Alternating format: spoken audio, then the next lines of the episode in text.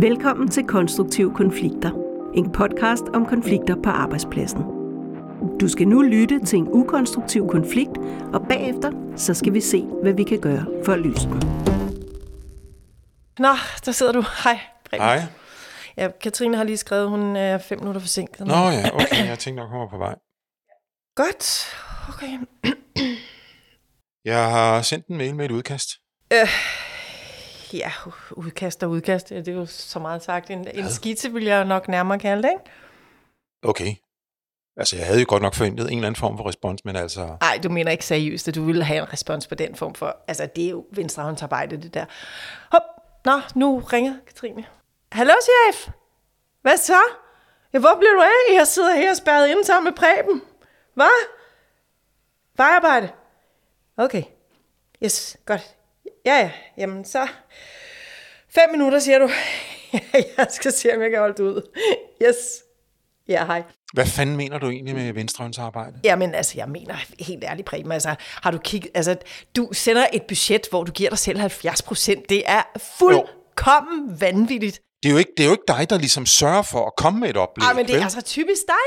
Altså, det er så typisk dig. Det er mig, mig, mig, mig, og det har det altid været, og det bliver det ved med at være. Jeg er nødt til at sende et oplæg, du så der kan blive taget stilling, til og du går straks du ind i den anerkender der, ikke, at vi andre også har en effekt på, eller faktisk argumentation, som om der er nogen, der tager noget fra dig. Er, er den grundlæggende Kan du hele det her at projekt. kan du ikke prøve at være lidt professionel en gang imellem? overhovedet ikke de briller på. Kan du ikke prøve at være lidt Hvornår har professionel? du sidst lavet en kop kaffe? Hvad? Hvad mener du? Eller givet en kage? Se, nu går du over i sådan nogle fuldstændig bagatelagtige banaliteter. Men altså, ved du hvad? Du er simpelthen det mest grådige. Du er sådan et, et monster, Jeg ved godt, du er rigtig som god bare til at lave sidder kaffe, men kan du lave et oplæg? Og suger alting til dig. Konflikter, det er en helt naturlig del af et moderne arbejdsliv. Vi bliver uenige om noget, og det er faktisk fedt, fordi vores uenighed, det kan skabe innovation. Men hvis vi ikke tør tage konflikten, eller vi ikke ved, hvordan vi skal gøre, så vokser konflikten så større, og så skader den din relation til den, du var uenig med. Og for jeres kollegaer skaber det røv dårlig stemning. Den sociale kapital falder, og sygefraværet stiger. Velkommen til dig, der lytter med, og velkommen til vores eksperter. Med mig har jeg organisationskonsulent Michael Stig Ørbæk, som er ekspert i konfliktnedtrappende samtaler. Michael driver kursus- og konsulentvirksomheden til Mene, og så er han forfatter til bogen Livgivende Samtaler og Relationer. Så har jeg konfliktmaler Mie Markusen med. Hun er ekspert i konfliktens væsen og driver konsulentvirksomheden Markusen og Company. Måske kender du hende for DR-programmet I krig med naboen. Mit navn er Gitte Svandholm.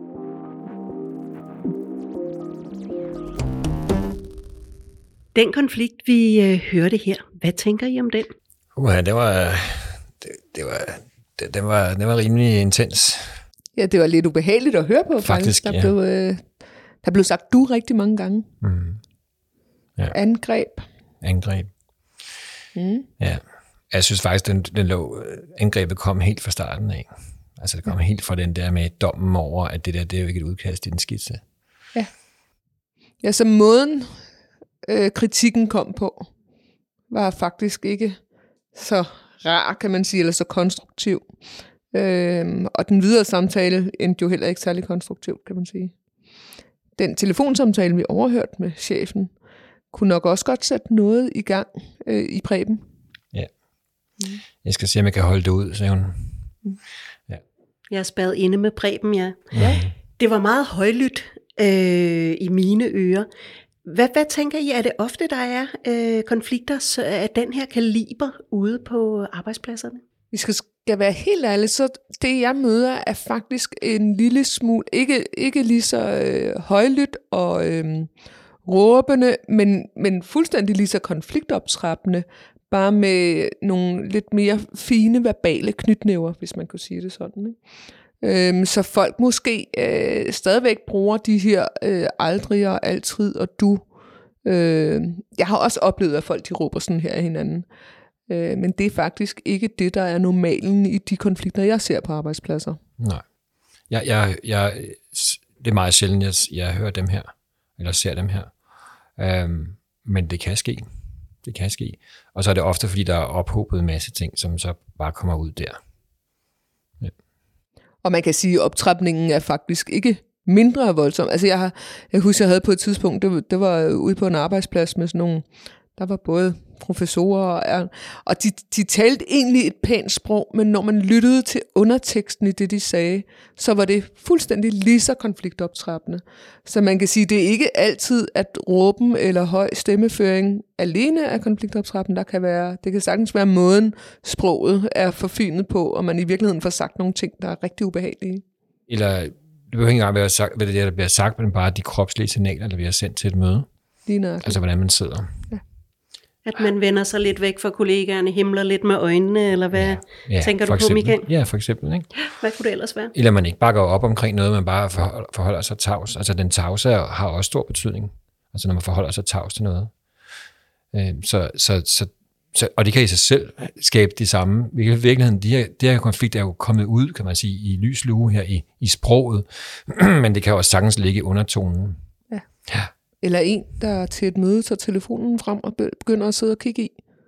Sådan lidt måske med et lille suk, sådan, åh, nu gider jeg ikke det her mere, nu tager jeg min telefon frem og bruger tiden effektivt, som personen måske selv ville sige. Ikke? Øhm, men øhm, det kan også virke optrappende, selvfølgelig.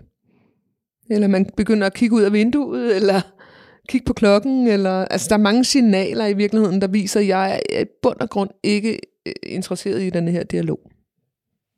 Det virkede også som om, at de ikke plejede at være i rum sammen, uden der var andre. Øh, jeg fornemmede sådan en utilpashed over, det kun var dem. Ikke? Altså, de reagerede meget hurtigt på, at chefen kom for sent, og øh, nu var det bare dem. Øh, kender I eksempler på, på øh, konflikter, hvor, hvor man egentlig har været i konflikt i mange år, men bare beslutter sig for at skille sig ad fra hinanden, eller ikke have noget med hinanden at gøre? Kender I den Ja. strategi? Ja, det, altså, det, er jo, det er jo den strategi, man vælger, hvis man siger, jeg vil gerne blive her i organisationen, men jeg kan ikke holde ham ud, eller holde hende ud. Og så, så skærer vi bare kagen op her, så laver jeg mit, og du laver dit. Og så behøver vi ikke skulle, øh, skulle snakke sammen. Så tager jeg den ene ende af gangen, og du tager den anden ende af gangen. Ja, Og, og det sker både mellem øh, medarbejdere og kolleger der, men det skal sagtens også ske mellem ledere, at man ligesom har fundet sin... Øh, man holdt sig på, holder sig på pæn afstand af hinanden, ikke? Hvad Det tænker I om en den måde- løsning? Jamen, der- der, er også steder, hvor man så flytter afdelinger. Det kan jo være en måde at håndtere en del af konflikten. Men altså, he- helheden af konflikten er ikke håndteret på den måde. Det skal vi bare huske, at når de på et eller andet tidspunkt skal arbejde sammen på tværs af afdelinger, så den mistillid, der er opstået, den vil stadigvæk, være, øh, stadigvæk påvirke øh, konflikten. Så man kan sige, at relationssporet er ikke håndteret, men sagssporet, hvis man, kan, altså hvis man skal prøve at dele det op i, at det er håndteret, at vi ikke kan arbejde sammen og løse opgaverne sammen, men det, der ligger i relationen, tilliden mellem menneskerne, er ikke overhovedet bearbejdet. Og det, det løser ikke sig selv. Så hvad burde man gøre med Genoprette tilliden, hvis det er, at man, øh, altså hvis der skal være et samarbejde. Ikke? Altså, der, er, der er jo en grad af opgivelse, at man har givet op. Og spørgsmålet er, om man overhovedet har prøvet at håndtere det på en anden måde, end, end bare at trække sig. Og jeg tror, mange steder, der vil vi bare trække os, i stedet for faktisk at få håndteret den sammen. Mm. Og så er det, vi får de her situationer, hvor vi, hvor vi bare trækker os fra hinanden. Ja. Men, men har man opgivet, uden at have prøvet at gøre noget andet, eller har man bare opgivet? Mm. Det Hvem jeg kunne man få hjælp fra, hvis øh, man har en oplevelse af, at, at der er en relation, der har trukket sig fra hinanden? Vi kan ikke finde ud af det sammen, så vi trækker os i hver sin ende af gangen. Hvem, øh, hvem har man brug for i den situation? Almindeligvis vil man, øh, vil man jo trække dem ind, som vil bare vil, øh, kan man sige, pay lip service, som man siger på engelsk, altså understøtte det, man selv synes. Men det bedste vil jo faktisk være en, der kan stille sig mere neutralt sted og nysgerrig sted. Ikke? Så det vil jo være det bedste. Og hvad gør man almindeligvis? Ja, man starter med sin ven eller veninde om det. Ikke? Øh, men der kan jo være situationer, hvor det kan være godt at få taget det med sin tillidsrepræsentant eller sin, sin leder og sige, jeg har den her situation, og hvordan søren er det, vi får håndteret det her? Fordi det påvirker jo. Det påvirker hele afdelingen. Mm. Sådan noget her. Jeg kan sige, der er en, hvis man nu kigger på sig selv og tænker, jeg ved godt, jeg har trukket mig, jeg vil gerne væk fra den her øh, situation eller den her person. Så den naturlige drivkraft i mennesker i konflikter er, lad mig komme væk herfra. Eller, altså man støder mennesket væk i virkeligheden. Ikke? Man, man, man laver sådan en bevægelse, der, hvor man nærmest sådan øh, prøver at, at flytte sig fra det her menneske, og man øh, tænker måske også nogle dårlige ting om det menneske. Hvis man godt selv vil ændre den dynamik, så er der noget med at komme tættere på, og prøve at forstå det, man ikke forstår. Prøve at forstå det her menneske. Altså, når jeg i mailinger nogle gange har haft nogle af de helt tunge sager, så kan jeg jo godt reagere på noget i mig selv, hvor jeg tænker, at jeg er simpelthen nødt til at udfordre og komme tættere på, og prøve at blive klog på, at der er noget, jeg ikke forstår i den her situation, øh, og i forhold til det her menneske. Det er ikke altid, man evner at gøre det selv. Men det er, sådan, det er faktisk, øh, hvis man selv skal arbejde med det, hvor man flytter sig, så er det at gå tættere på, i stedet for at gå længere fra. Det vil sige, tage en kop kaffe sammen, spise frokost sammen, blive klogere på mennesker. Ikke nødvendigvis på konfliktknudepunkterne, men også, hvad laver du i din fritid? Og, altså lære mennesker at kende. Og hvis man ikke kan det, så kan man jo få hjælp, som du også siger, af en, øh, af en tredje part. Øh, det kan være en konfliktmæler, det kan være en samtalepartner, det kan være en leder, det kan være en tillidsrepræsentant, det kan være en arbejdsmiljørepræsentant, men det skal være en, der evner at forholde sig neutralt og upartisk. Fordi det nytter ikke noget, at man tager side i denne her konflikt. Det hjælper dem faktisk ikke. Konfliktnedtrappende kommunikation. Det allervigtigste, du kan gøre for at have en konfliktnedtrappende kommunikation, det er at tale i jeg-budskaber. Altså, du skal lade være med at dutte. I stedet for at sige, du er altid, og du kan også, og du gør jo, så tag din kommunikation hjem til dig selv og brug jeg-budskaber. Altså, jeg kunne godt tænke mig, jeg hører det, jeg har behov for, jeg mener, sådan så du bliver på din egen banehalvdel. Hvis du skal have en konfliktnedtrappende kommunikation, så skal du have en assertiv kommunikation. Når man har en assertiv kommunikation, så handler man i egen interesse. Man står på sine egne meninger, man udtrykker sine følelser, men uden at krænke andre. Vi kan helt kort sige, at der er faktisk tre måder, vi kan kommunikere på. Vi kan kommunikere aggressivt, assertivt eller submissivt. Hvis du har en aggressiv kommunikation, så har du disrespekt for andre. Du ydmyger andre. Du kan for eksempel være anmæsende, manipulerende, arrogant, dominerende eller dømmende. Når du har en assertiv kommunikation, så står du ved dig selv med respekt for andre. Du er tydelig, du er perspektiverende, du kan være tilgivende, åben, hensynsfuld eller handlekraftig for eksempel. Hvis du har en submissiv adfærd, så har du disrespekt for dig selv, altså du har en overdreven ydmyg adfærd.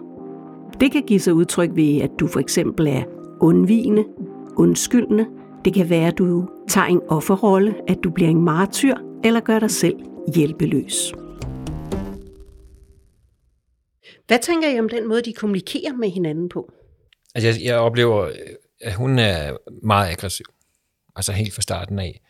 Hvor jeg sådan lyttede efter Simons øh, jeg synes, der var, kunne være nogle oplæg, altså til, han stiller jo et spørgsmål på et tidspunkt, altså han stiller nogle spørgsmål undervejs, jeg tænker, okay, det kunne være åbning til en dialog, men det bliver ikke fanget som et spørgsmål, det bliver bare brugt til videre arsenal, kan man sige.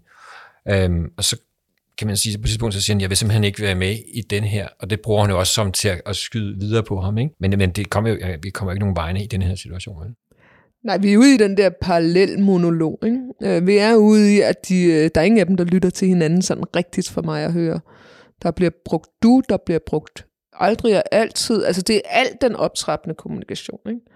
Så øh. hvis de skulle have brugt konfliktnedtrappende kommunikation, hvad, hvad skulle de så have sagt til hinanden?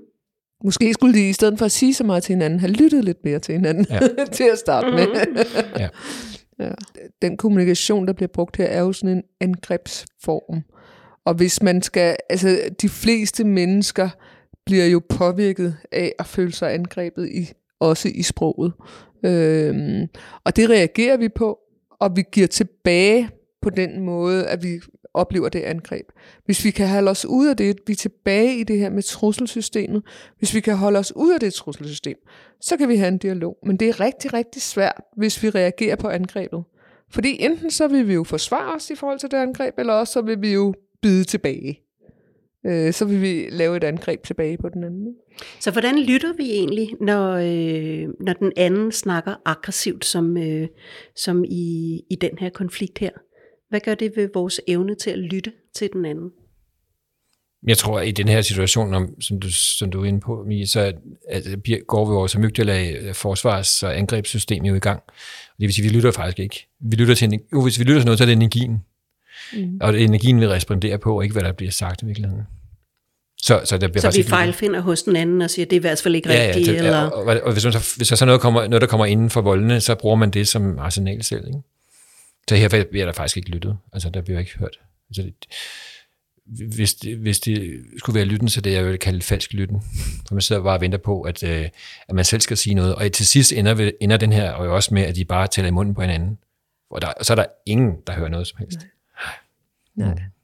Fa- Det er faktisk lidt interessant, fordi at øh, når vi er i, øh, altså i, i de her kampflugtmekanismer, så sker der også noget helt fysiologisk med øret. Vi kan faktisk ikke høre afspændende lyde. Det, så så der, der er noget fysiologi, der går i gang, og så er der noget kognitivt, der går i gang med, at hjernen også begynder at høre noget andet, end det, der bliver sagt. Altså vi laver de der klassiske forvrængninger. Vi kan heller ikke huske. Øh, Så det bliver rigtig svært at høre, hvad den anden siger, når vi kommer ind i det her. Men hvis man skulle sådan, øh, hvis man nu den, den dag der, hvor man har siddet i lotusstilling om morgenen, eller man har rigtig godt overskud, eller hvor man kan holde sig selv ude af de her mekanismer, så kan man jo i stedet for øh, at, at se på det som et angreb på mig, så kan jeg jo kigge på den anden som en, der er måske i en presset situation.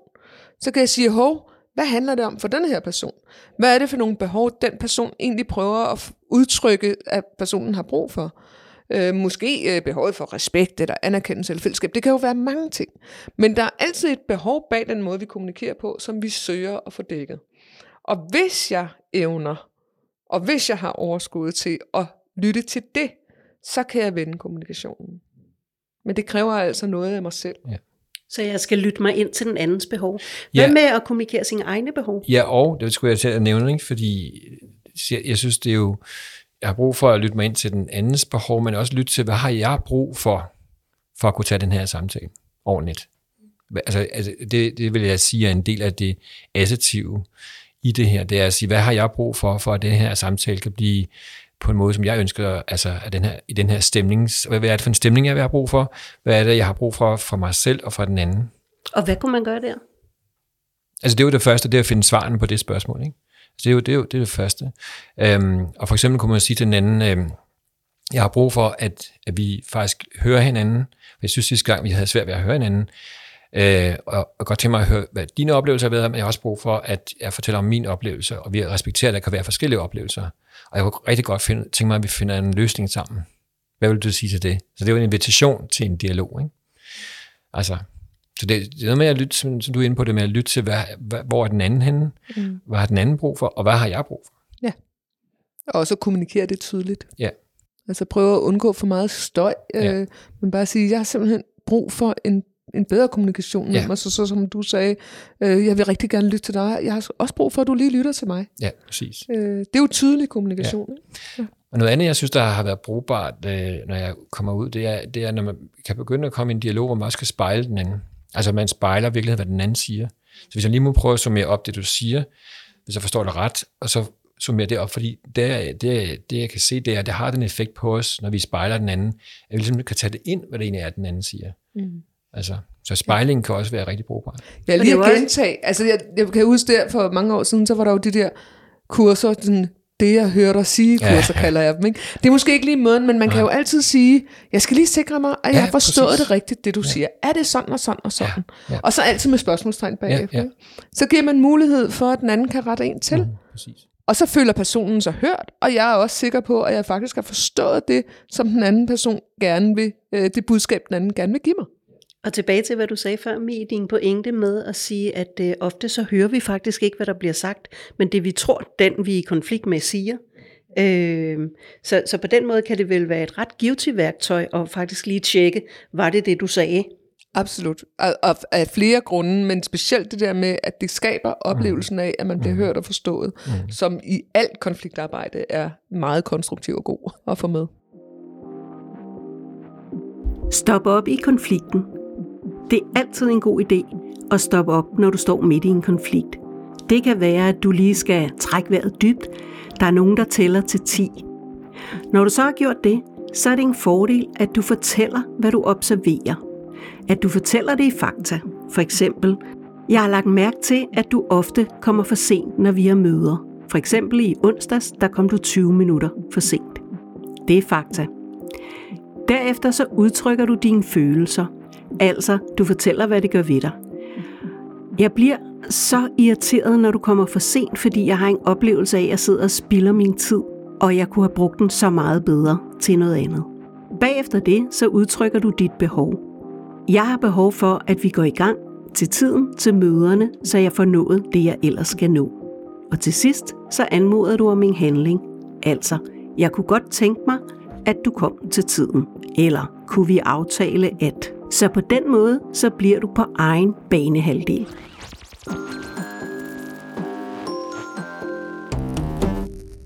Der kan være mange facetter i konflikthåndtering. Jeg har bedt forfatter og foredragsholder Sebastian Nybo om at dele hans bedste fif med os i forhold til konstruktiv konflikthåndtering. De tre aspekter, der er allervigtigste at forstå i konflikthåndtering, det er at have hold på sig selv. Det er det aller, allervigtigste. Det er trumf, når man spiller kort. At kunne holde sig selv energineutral. I det sekund, man føler sig presset, eller talt ned til, eller generet, eller tager det personligt, gør det personbåret, selvom aggressionen er personbåret, hvis du tager det ind, så kan du ikke løse konflikten. Så energineutralitet er det absolut vigtigste. Det træner jo både politiet og forsvaret, men, men også på en arbejdsplads at kunne holde sig ligesom fri af den negative energi. Øhm, og gå op over og sige, jamen den person, du står overfor, kæmper en kamp, du intet aner om. Så udvis altid venlighed. Og det sidste, det er selvfølgelig at mestre sit kropssprog og sin turnering. Så ved at stramme op i stemmen, ved at gå ind i markeringen, jamen så siger man tydeligere fra. Så jeg tænker, det er rigtig, rigtig vigtigt, at man forstår de tre elementer. At der er, altså hvis ikke man selv kan holde sig energineutral, så er man part i konflikten. Altså en orkan, inde i midten af orkanen, så er orkanen bare en sky, der står stille. Og så længe man kan holde sig der, kan man takle konflikten og holde det her overblik.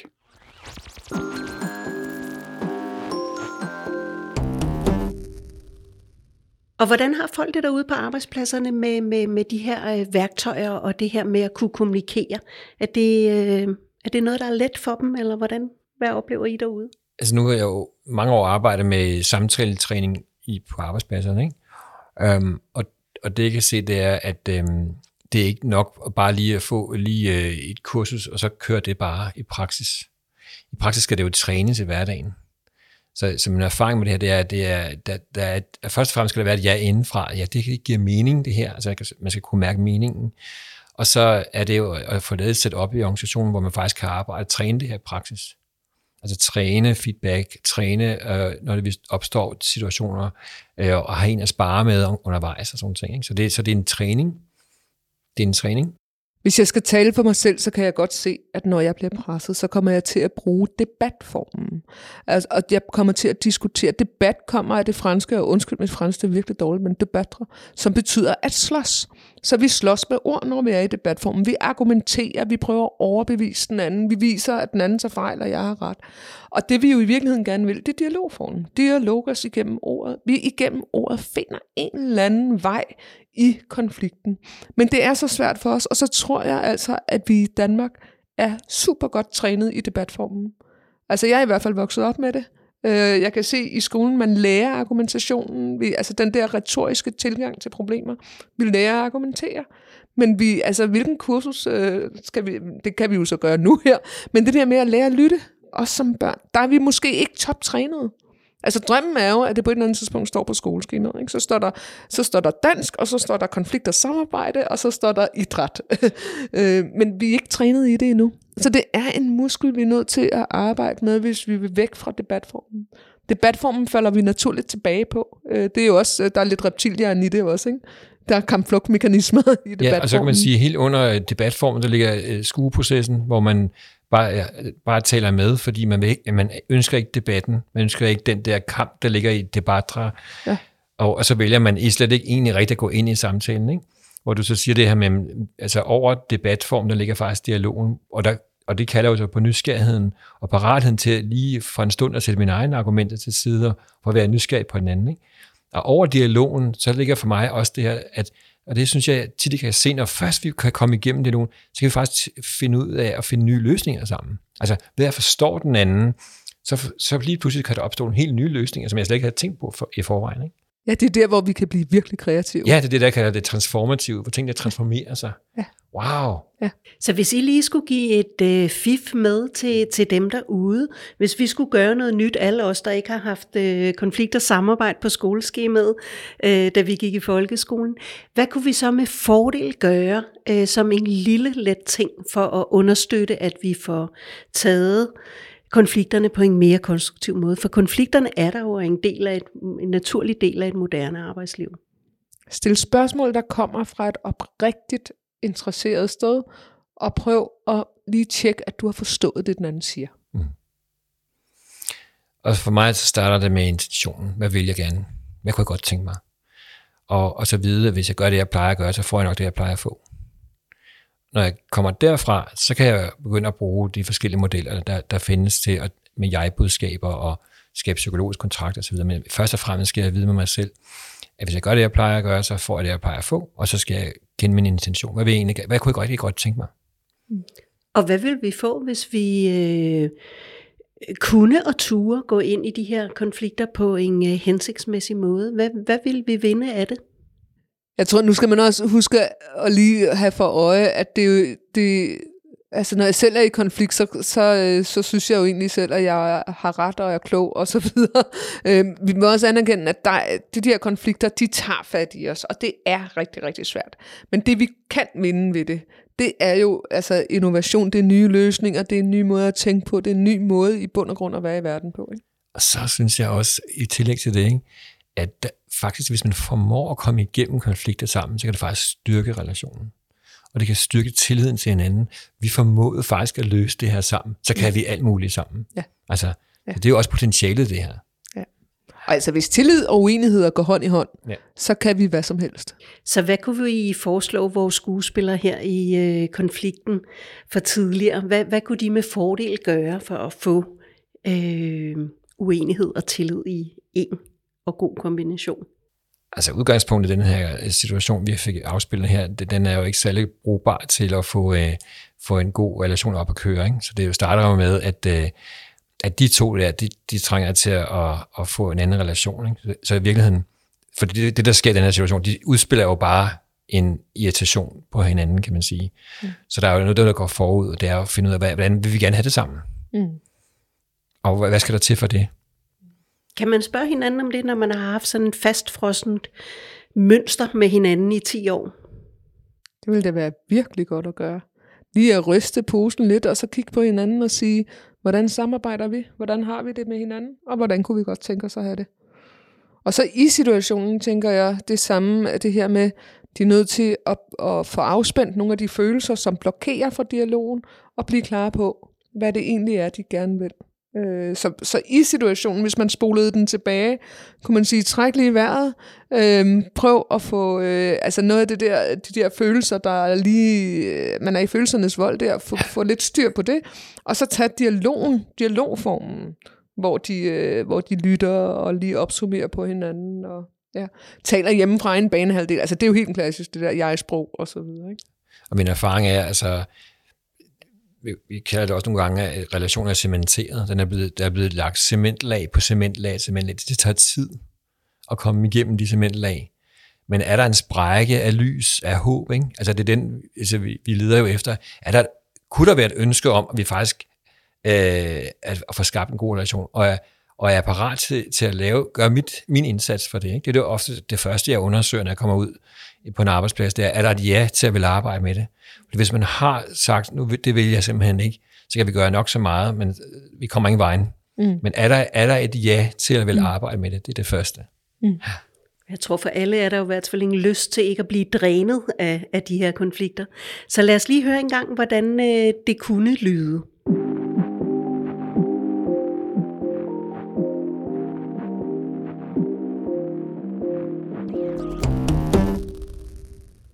Okay, øh, hej Preben. Hej. Øh, hvor- um, Katrine? Øh, Jeg tror, hun er på vej. Ja, okay, godt. Mm. Jamen, så, så er det bare dig og mig. Yes. Lidt endnu i hvert fald. Ja. Lidt endnu, ja. Øh, jeg sendte jo et øh, udkast. Ja, tak. Jeg...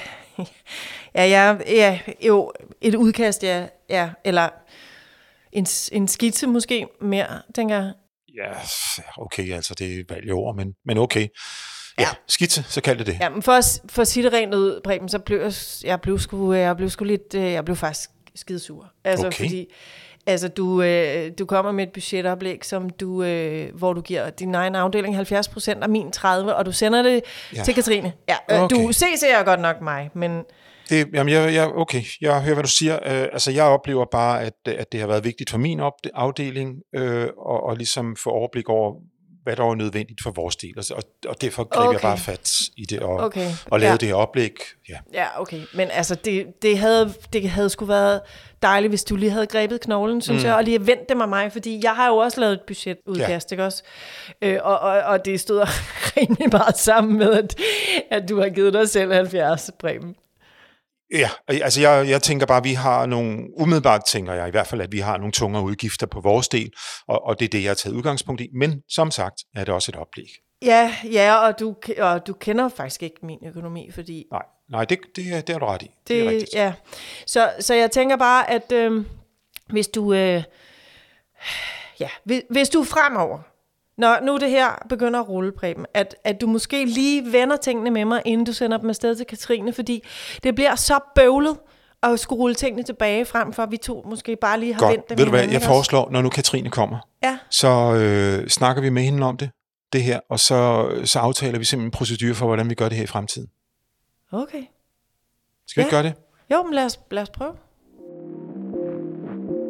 Det var skuespillerne Simon Vagn Jensen og Maj Aarlund, der lå følelserne for frit løb i dagens konflikt. Jeg håber, de har inspireret dig til at tage dine egne konflikter, før de vokser så store. For der er masser af innovation at hente, og det skaber tillid imellem os, når vi får taget konflikterne på et lavt niveau, altså helt nede på trin 1 på konflikttrappen, som jo er grøn. Når vi gør det, så giver det os bedre relationer, og så trives vi meget bedre. Tak til eksperterne Mie Markusen, Michael Stig Ørbæk og Sebastian Nybo. Udsendelsen var tilrettelagt af Gitte Svandholm fra HK's kursusafdeling